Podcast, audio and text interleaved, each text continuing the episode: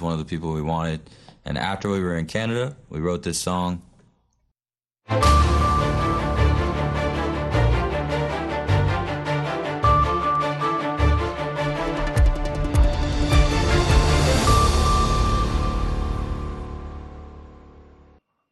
halkani waa washington laanta af soomaaliga idaacadda v o a oo aad ka dhegeysanaysaan mawjadaha gaagaaban efemada geeska afrika iyo caalamka oo dhan oo nagala socotaan v o a somaly com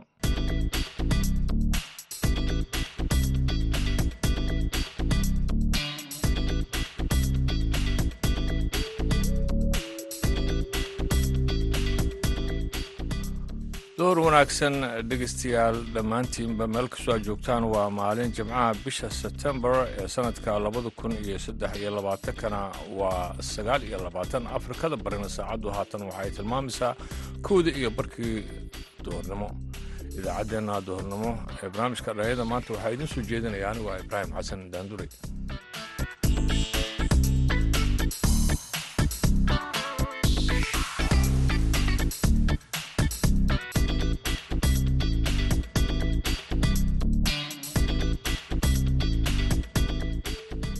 qodobada aad ku dhegaysan doontaanna dhegaystayaal waxaa ka mid ah barnaamijka sooyaalka dhaqanka oo aynu ku eegayno siday soomaalidii hore u saadaalin jireen xilliyada roobka iyo digniinihii ay bixi jireen.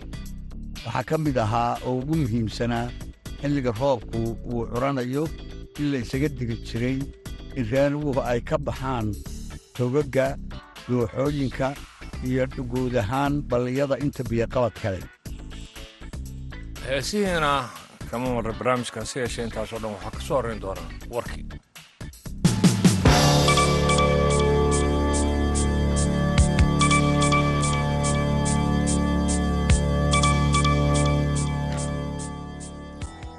xogeeyaha guud ee gaashaanbuuta nato janes stoltenberg ayaa waxa uu sheegay shalay in ciidamada ukrain ay si tartiib tartiib ay u xoogeysanayaan dagaalka ba'an waxaana uu si joogto ah ugu boorinayaa xulufada inay bixiyaan gargaar dheeraad ah korna ay u qaadaan waxsoo saarka difaaca iyo in la dedejiyo hubgeynta ukrain mar kasta oo ukrain ay sii xoogeysato waxaan ku sii dhowaaneynaa soo afjaridda gardada ruushka ayuu stoltenberg uu u sheegay suxufiyiinta kiev isagoo ka garab hadlayay madaxweynaha ukrain volodimir zelenski ayaa stoltenberg waxa uu sheegay in nato ay leedahay qandaraasyo markaasi qaabaysan oo ah labo dhibic shan bilyan oo dollar oo rasaasta muhiimka ah ee ukrain stoltenberg ayaa waxa uu sheegay in ay ku jirto danta amniga ee nato inay siiso ukrain waxa ay u baahan tahay si ay uga guulaysato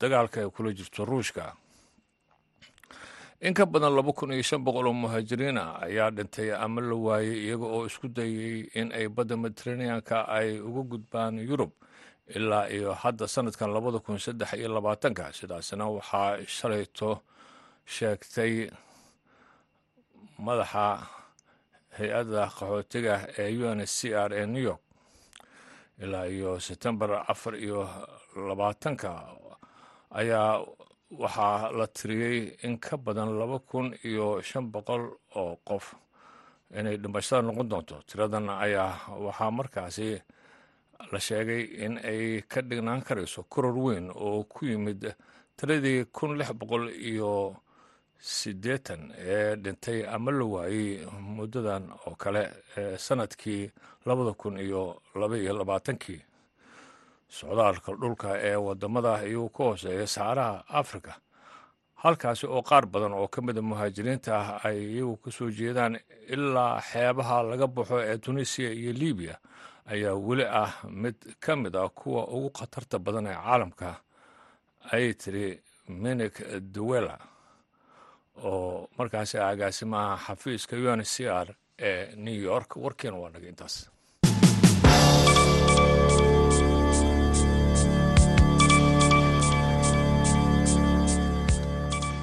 markana dhegeystayaal waxaad ku soo dhowaataan barnaamijka sooyaalka dhaqanka waxaana soo jeedinaya cabdikariim olol.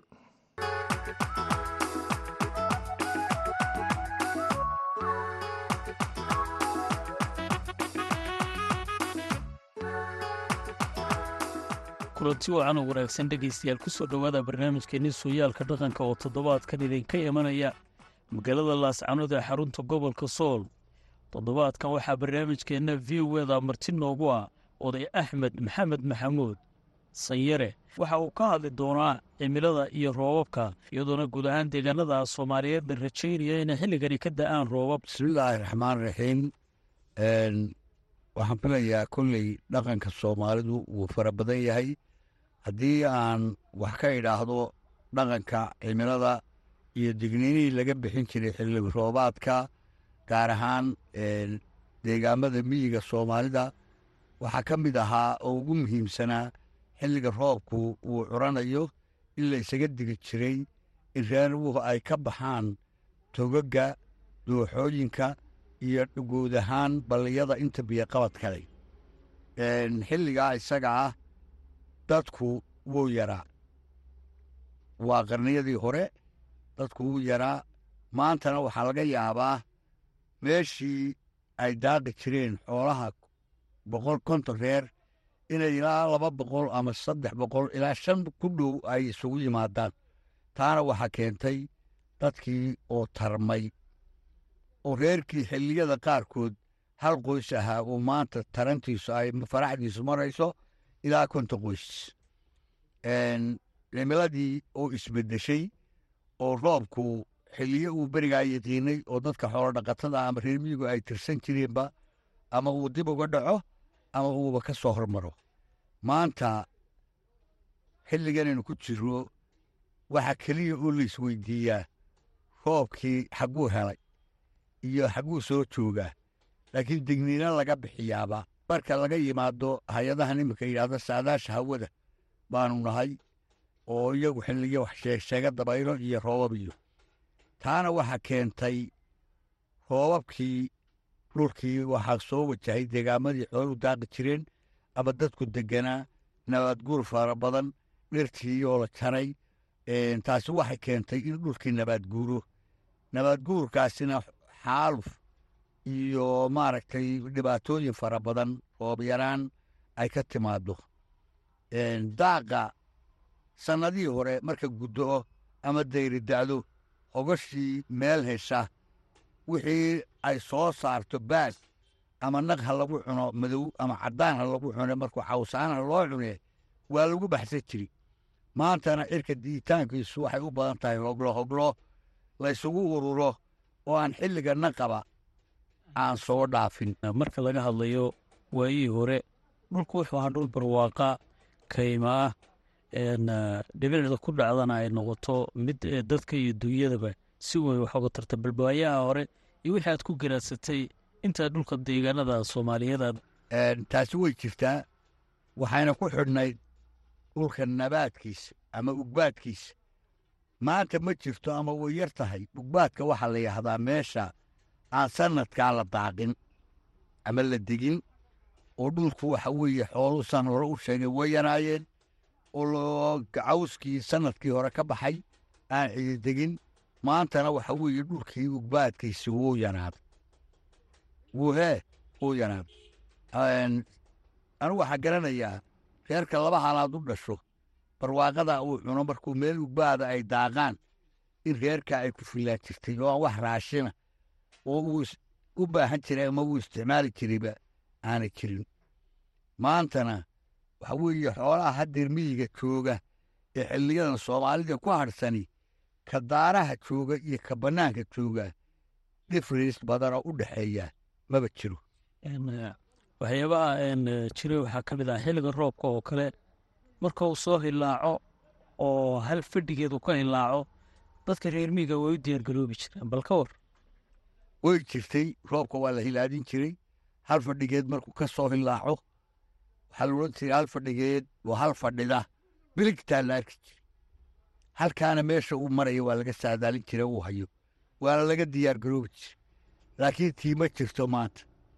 Raxmadda da'daaba way iskaba yar tahay waa hoglo. Waxa weeye oo waxa dee dhulkaa dadku waxay ahaayeen reer miyigaahi dad xoolahooda ku nool caqiidadooda aaminsan ducaysta alla barya geela maalka iska siiya kii aan geel lahayna geelu ka guran yahay. Kii tacdaarta waxa la odhan jiray waynoo allaba wayno ah tacdaar baynu dhigaynaa.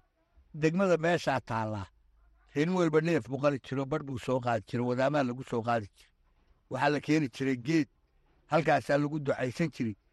Awrta waa la kala gaadiid xeshan jiray. Geela maal baa laysu siin jiray. Maanta wixii ma jiraan. Wixii ma jiraan hasha xeradeedii iyadoo joogtaa gaari baa daba socda oo lacag waa laga iibinayaa kii baahanoo martida ahaa oo waa laga iibinayaa oo qaadkii baa daba socda oo dhaqamo ayna lahaan jirin bay yeesheen hadalkaaga sida ku jirta waxaa jirtay xagga sanada oo kale oo xiliyadii hore. Dadka reer miiga way qiimeyn jireen oo macno badan bay ugu fadhiday oo way yaqaanin nabaadkaasi iyo doogga soo baxa roobkani soo saaray waxa uu xoolaha ku reebi doona cad iyo caano. Way jirtay taasi. Maanta ma yaqaaninba xoolo dhaqatada joogta ee soomaalidu. Waxaa lagu garan jiray xooluhu meesha ay daaqayaan. Waxay ahaan jirtay meel ugbaada. Tusaale ahaan dhulka qaarkii haddaan ka soo qaato deegaamadanaynu hadda joogno oo kale hawdkaa aad aragtay ee kumaankuka baraagood iyo magaalo laga sameeyey wax magaalo ay lahaan jirtay ma jirto geelu biyaha nugaaleed buu afar casho ama shan casho ama u soo jalaqlayn jiri billa waa ku qadi jiri meel magaalo laga sameeyey ma jirin.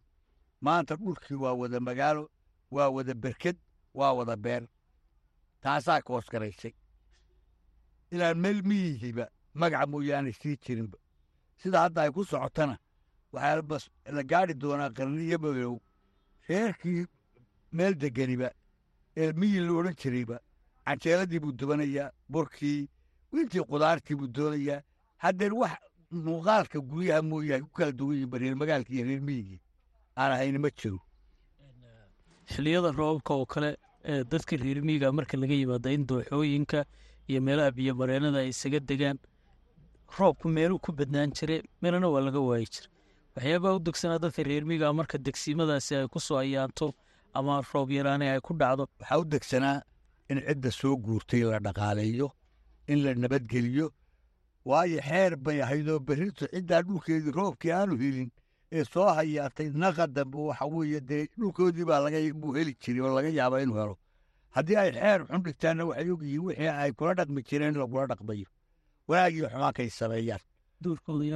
Doorka odayaashu wuxuu ahaa degmada soo hayaanta in la soo dhoweeyo in wixii la tari karo la taro daaq iyo biyaba buu ahaa. Waxyaaba hadda aynu aragnay waxaa ka mid a n waa nabaad guurka dhirta bal saameyn intay leeg bay ku yeelatay in roobabkuna ay yaraadaan xilliga roobku daana ay keenaan in meelahan biyo mari jirin ay biyo maraan taasi waxay ka mid tahay waa qodobka koowaad ee dhulkan soomaalidu degtay xoolo dhaqatadu ku noolayd dhibaatada ugu badan ee baabi'isay haddeerna weli sii socota weyi waayo waxaa jiri jirtay iyadoo waddan dhan oo la odhan jiray gaadhigii hebel baa berrito ama saa dambe imanaya maantana waxa weeye ilaa konton gaadhi lixdan gaadhi waa kuwanaa kuleeyahay xerihii bay geeli ugu tegayaan dooxo iyo daaqsi ka baydhi maayaan waxa weeye baabuurtaasina waxa weeye badnaantoodii deegaankii wax fara badan bay u keentay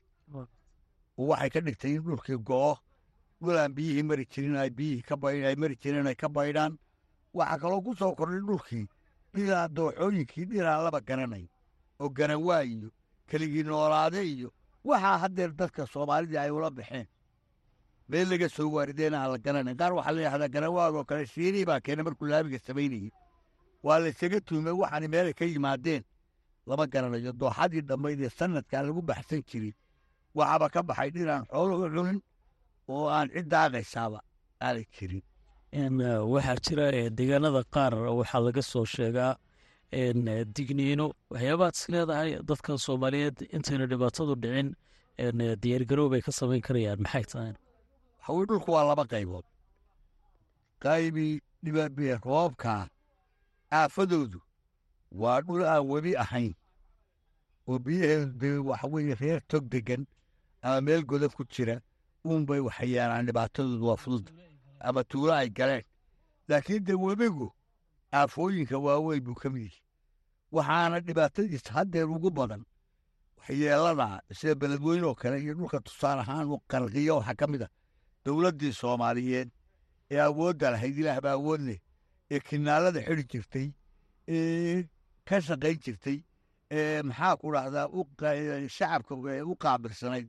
Markay meeshii ka baxday waxaanay helinba dee wax dayac tira ama ka hortag sameeya oo taxadir ka sameeya aafadaa biyaha. Laakiin dadkan dhibaatada shalay ku dhacday ee loo gurmanayo ee berina roobka roobka xee ku soo noqonaysa laba qodob weeyaano dee dadkii maxaa ku dhaha awooday wax kaga qabtaanba. Male. Qodobka labaadna daacadnimaa jira labadaa qodob baa sal u ah. Xagga talada iyo odayaashii hore in arrin laga hortago ama laga tashado maxaa ugu hooli jiray een, caaqil? Marka la rabo in go'aan laga gaadho oo sanadkaasi wixii dhacay eh, laga hortago ama talo laga yeesho? Odayaashu berigaas dee waxay ahayd dad dhaqankoodu kooban yahay. Markaan taalayahay dee dadka odayaasha u ahaayeeba dad kooban oo ismaqal leh oo aan ku dhicin maxaa ku dhahdaa daraagiska maandooriyaha ee qof waliba kii yaraa kii weynaa dhaafay maahay wixii ma- sanadkaa hore dhacay sanadka dambe odayaashu waxay ka gaari jireen waxaasi deegaankeenna dhibaatay u keenayaan.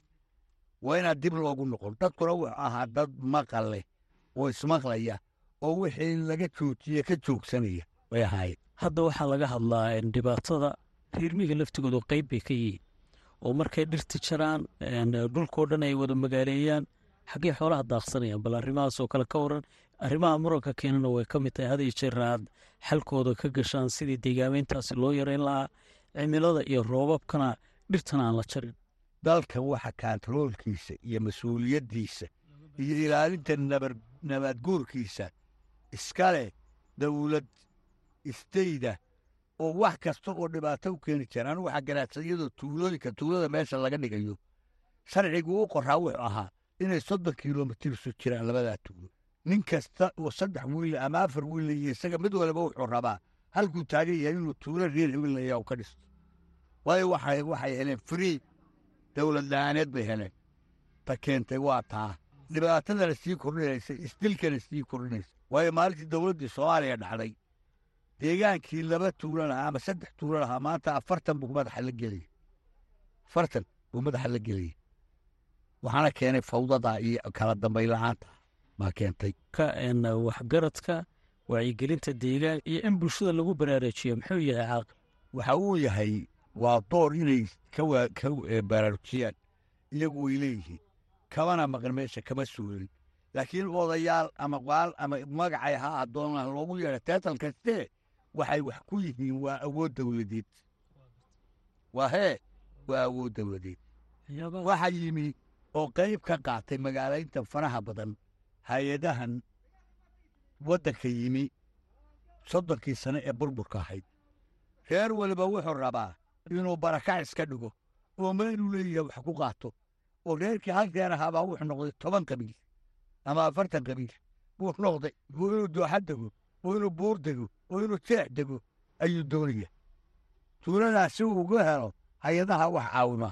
Een, eh, berigii hore waxaa la yidhi xoolaha iyo dadka eh, dee xooluhu way yaraayeen. Hadda maxaa isbedelena xoolihiina way yaraadeen.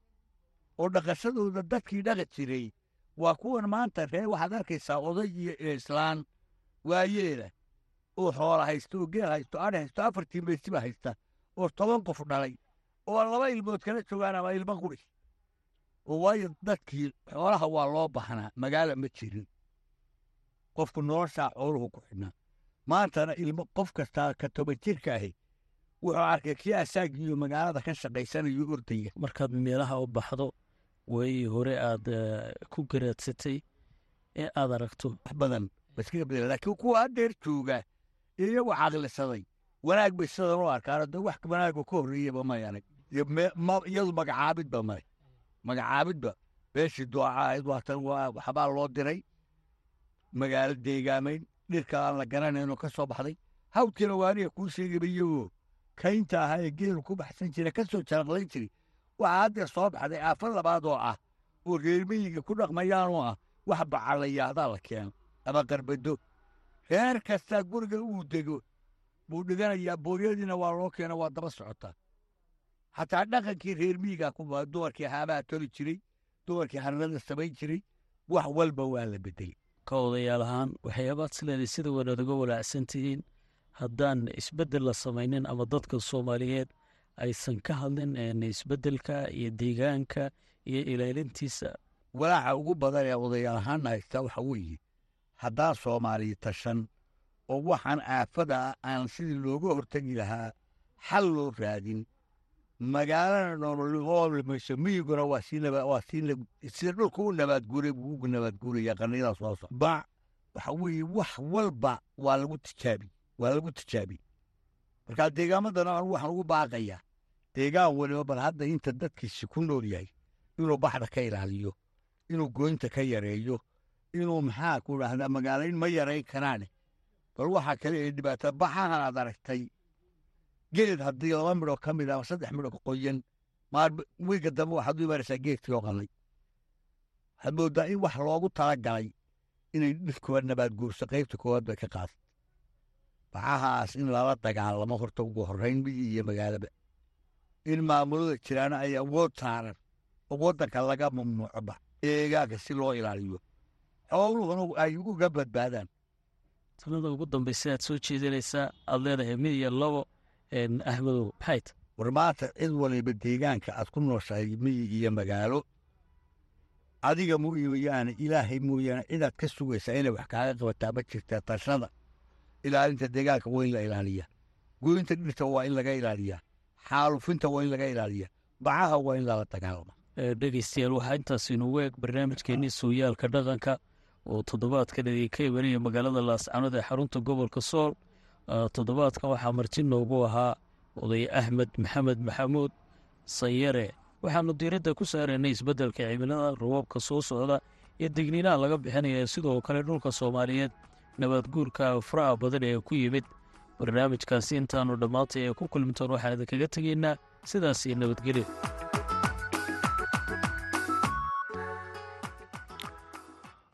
haatana dhegeystayaal waxaad ku soo dhowaataan barnaamijkai ciyaaraha waxaana soo jeedinaya mukhtaar maxamed catoosh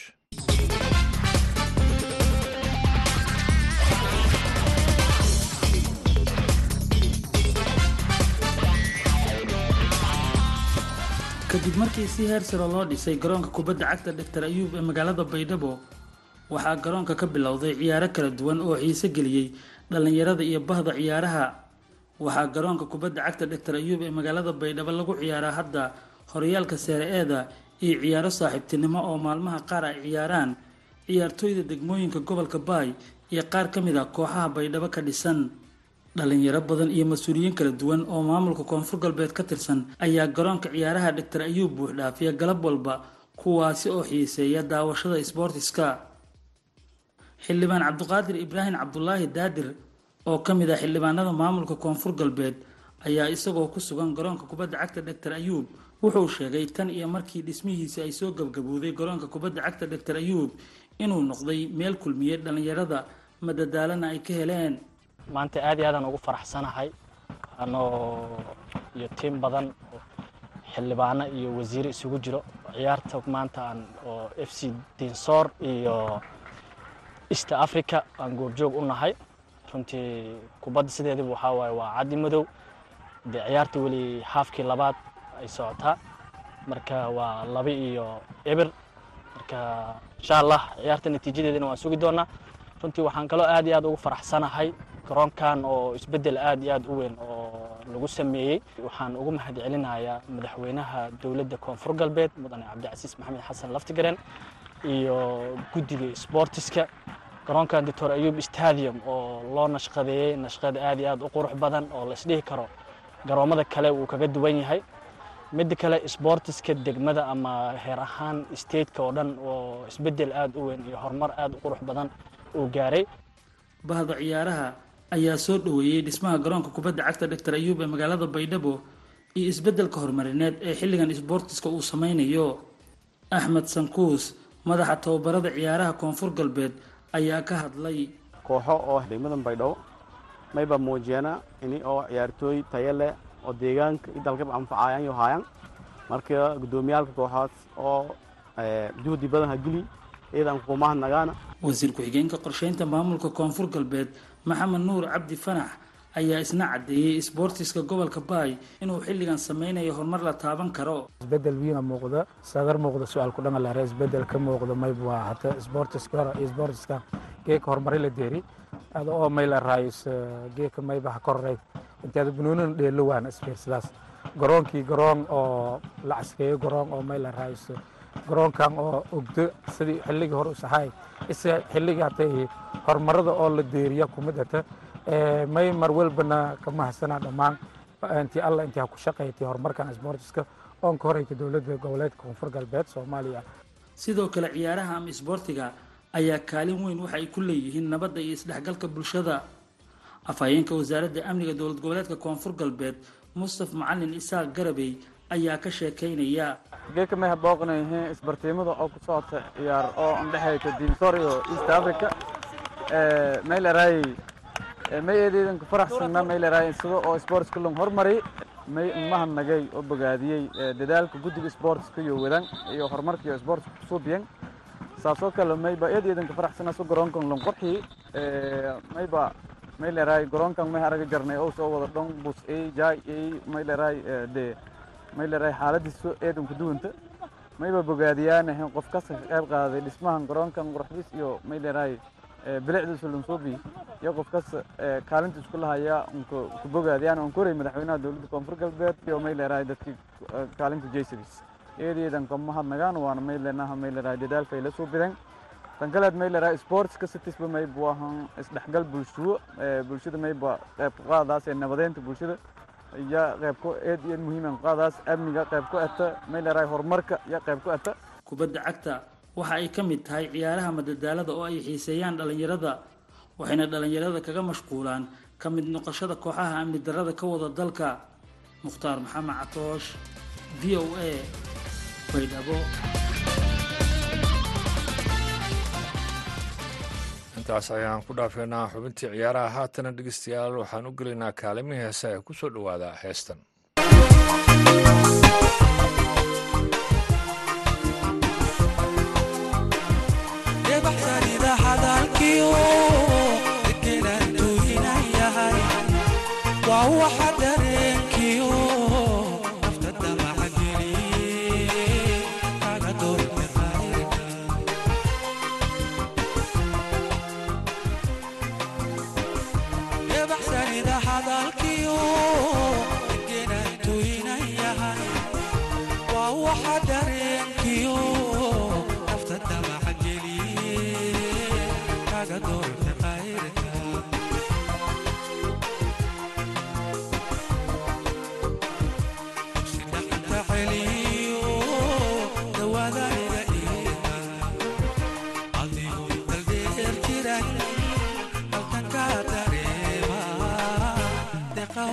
ku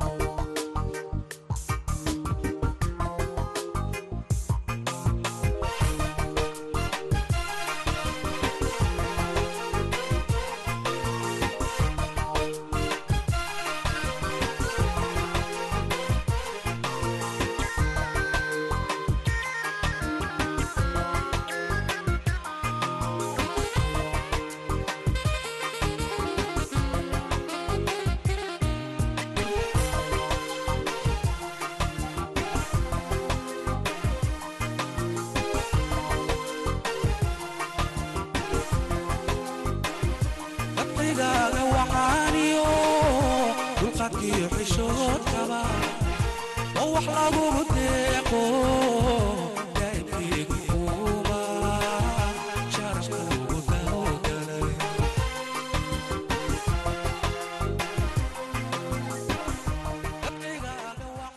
heestaasi uu qaaday fanaanka maxamed xasan xuseen lafore waxay ugu dambeysay idaacaddeenna duhurnimo. Intaan mar kale kulmi doono waa anigoo ibraahim xasan daanduro dila nabadgelyo